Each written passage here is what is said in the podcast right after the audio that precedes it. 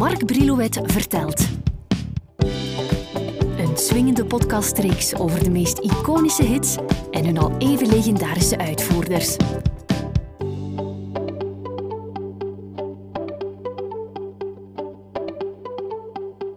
Geloof je dat ik er nooit op let of de songs die ik bespreek up-tempo zijn of niet? Ik laat me eerder leiden door de melodie of uh, de zangstem. Dat kan met de leeftijd te maken hebben, maar ik denk in mijn geval eerder met onze muzikale noemer zo breed mogelijk te programmeren.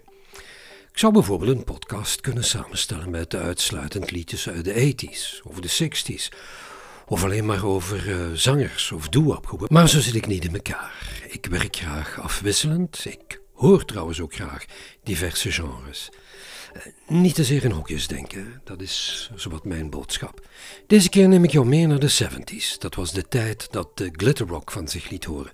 De singer-songwriters al maar belangrijker werden. En dat zowat iedereen een discoplaat moest opnemen om nog enigszins aan de bak te komen. Als je aan Manhattan denkt, dan denk je onverwijld aan die New Yorkse buurt, maar dat was niet de reden waarom de Manhattans die naam kozen. Ze noemden zich zo naar die bekende Manhattan cocktail. Die drank was al een hele tijd populair, al decennia lang. Die bestaat uit een stevige scheut whisky, vermoed, liefst Martini Rosso en Angostura Bitter. Ik ben het moeten gaan opzoeken hoor. Een kruidendrank voor het eerst gebruikt in 1824. Maar ik lust geen alcohol, dus ik ga daar niet lang bij blijven stilstaan. De leden van de Manhattans woonden allen iets verderop in New Jersey, dus buiten Manhattan. Hè? Toch zouden ze elkaar daar niet tegen het lijf lopen, want het was tijdens hun legerdienst in Duitsland dat Edward Bivens en Richard Taylor besloten in de doo-wop-stijl van de jaren 50 eenmaal ze terug waren in New Jersey een groep op te richten met dit genre als invalshoek. George Smith die sloot zich snel bij de groep aan samen met Kenny Kelly en Winfred Lovett, ook wel Winfred Blue Lovett genoemd. Die, zo te horen, liever aan baseball dacht dan aan zingen bijvoorbeeld. It was a catchy name. We thought that um, this would draw attention to a lot of New York DJs. Uh, it would be proud to say that here's a group, a local group that grew up in New York and in New Jersey, right in the same area here, and it would help us. So it stuck. I wanted baseball first. I wanted football second. And I have asthma, so that cut me out for the sports. So growing up in uh, Harlem, I would save all my money just to go to the Apollo Theater to see Jackie Wilson, Smokey Robinson the Miracles, The Temptations. I didn't meet the other guys until I was like 12 or 13. I moved back to Jersey City to go to high school. And I met Sonny and Kenny and the guy that passed away, his name was George Smith. He was our lead singer at the time. They had the same ambitions. In 1964 voelde Manhattan zich vocaal sterk genoeg om mee te doen aan een zangwedstrijd in het befaamde Apollo Theater in Harlem. Ze eindigden daar derde en werden meteen aangesproken door een zekere meneer Joe Evans van Cardinal Records, een platenfirma uit Newark in New Jersey. Na wat heen en weer gepraat werd een contract ondertekend. In 1964 nemen ze hun eerste plaatje op, voor the very first time heet het, met in de maand maart van 65 I Wanna Be Your Everything, waarmee ze tot op de 68e plaats van de Amerikaanse top 100 geraakten.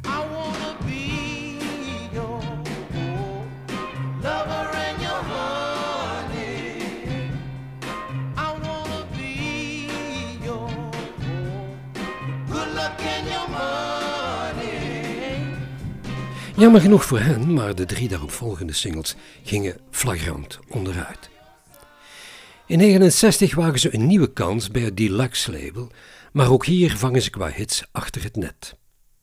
Tijdens een optreden in 1970 maken ze kennis met de New Imperials en zijn vooral in de ban van hun leadzanger Gerald Alston, die de groep had opgericht.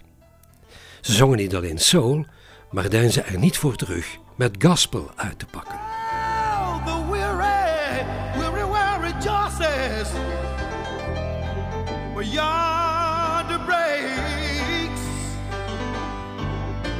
A new and glorious morn.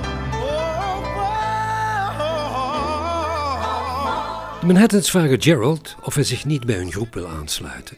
Maar hij weigert. Wanneer Gerald verneemt, iets later dat jaar, dat George Smith van de Manhattans aan een tumor, hersentumor, is overleden, gaat hij overstag en sluit zich aan bij de groep.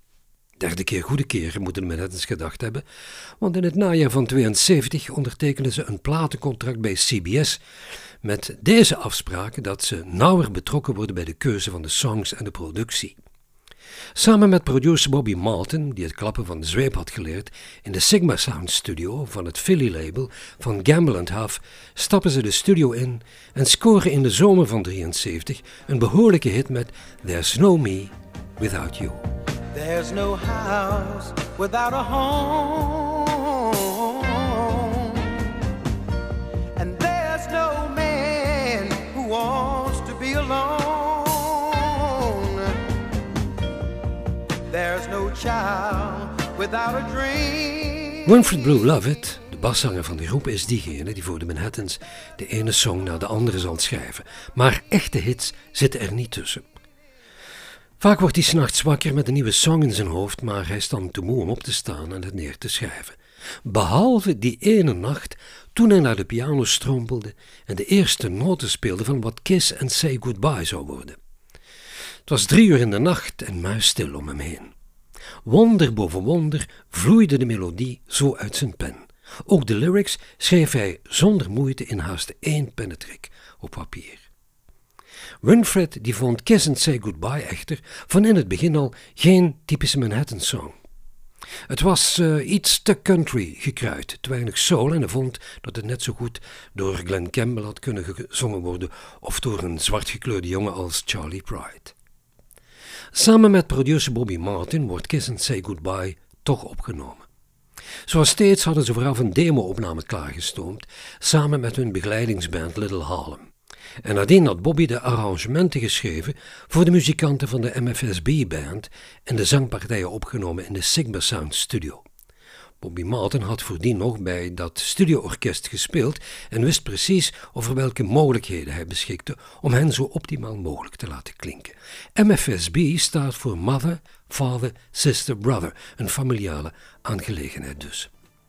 Het orkest zal bij zowat alle opnamen in de Sigma Sound Studio betrokken worden en ook zelf hits scoren, zoals met TSOP, oftewel de Sound of Philadelphia.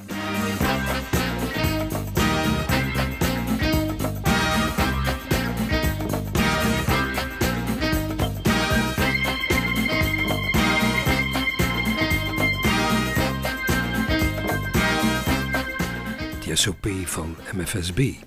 Tijdens die opnamesessie van Kiss and Say Goodbye blikte de Manhattans nog een andere hit in, een cover van de Timmy Euro-hit Hurt. In de R&B-lijsten trouwens een hit voor Roy Hamilton en diens versie was dan weer de reden dat Elvis het nadien op plaats zette, want de King was een enorme fan van Roy.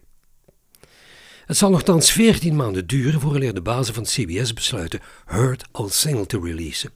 Hurt is namelijk een ballad en het waren toen net de hoogtijdagen van de disco-up-tempo songs, vierde qua ritme hoogtij. Maar af en toe wat afremmen op de dansvloer kon blijkbaar geen kwaad.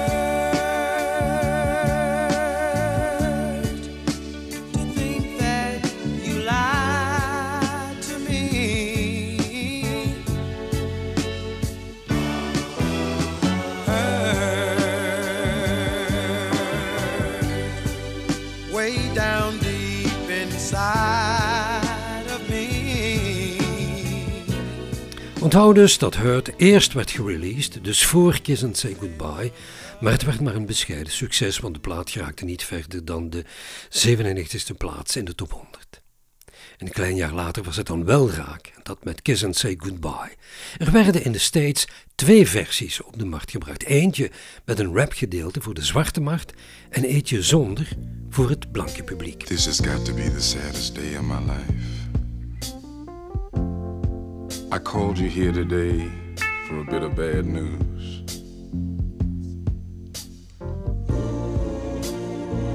I won't be able to see you anymore because of my obligations and the ties that you have. De toonaangevende DJ's lieten Blue Lovett weten dat ze niet van zijn parlando-intro à Barry White hielden. Ik persoonlijk ken alleen die met de rap-intro van exact één minuut aan het begin eh, van de song dus. Hier in Europa bereikten ons ook twee versies. Die met een fade-out aan het einde van het nummer en die met een full end om af te ronden. De versie zoals we die kennen van hun langspeler.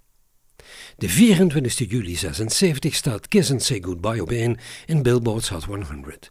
De Stalin Vocal Band en hun Afternoon Delight hadden ze van de eerste plaats geduwd. Twee weken later werden de Manhattans op hun beurt van die eerste plaats verdrongen door Elton John en Kiki D met Don't Go Breaking My Heart. Kiss and Say Goodbye werd platina de dag dat Roger Taylor de groep verliet om zich volledig aan zijn moslimgeloof over te geven. Er waren toen al meer dan 2 miljoen exemplaren van Kiss and Say Goodbye verkocht en dan heb ik het uitsluitend over de verkoop in de USA. I had to meet you here today. So many things to say. Please don't stop me till I'm through. This is something I hate to do. In Engeland zat er voor de 45 toeren versie van Kiss and Say Goodbye een vierde plaats in. In Nederland mochten ze een vierde borst opzetten, want daar stoten ze door naar de nummer 1 positie, net zoals in België. Na het succes met Kiss and Say Goodbye zullen de Manhattans met wisselend succes nog een aantal singles uitbrengen, waaronder It Feels So Good To Be Loved So Bad en I Kinda Miss You, waarmee ze qua stijl en sfeer veilig in de buurt van hun nummer 1 blijven.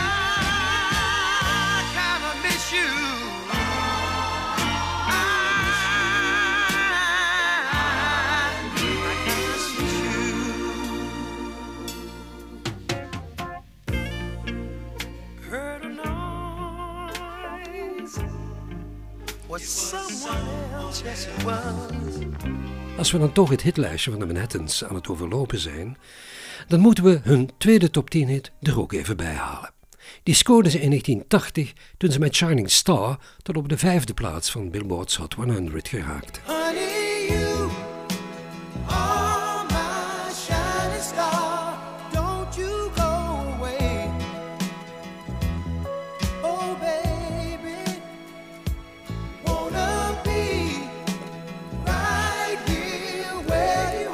Opnieuw vijf jaar later halen de Manhattans nog maar eens diep adem, genoeg om met de cover You Send Me van Sam Cooke tot op plek 81 te raken. Meteen ook de laatste keer dat ze in die top 100 zullen opduiken. Darling, you send me. I know that you send me. Darling,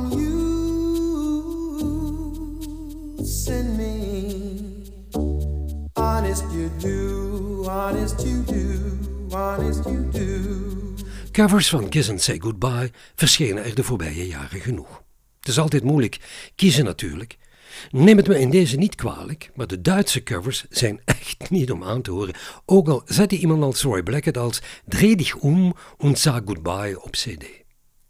Ben vooraf wel eens grondig gaan luisteren naar enkele Anglo-Saxische versies en ik moet toegeven dat er toch een paar niet onaardige bij zitten. Van onder andere UB40, John Osborne, John Lodge en John Holt.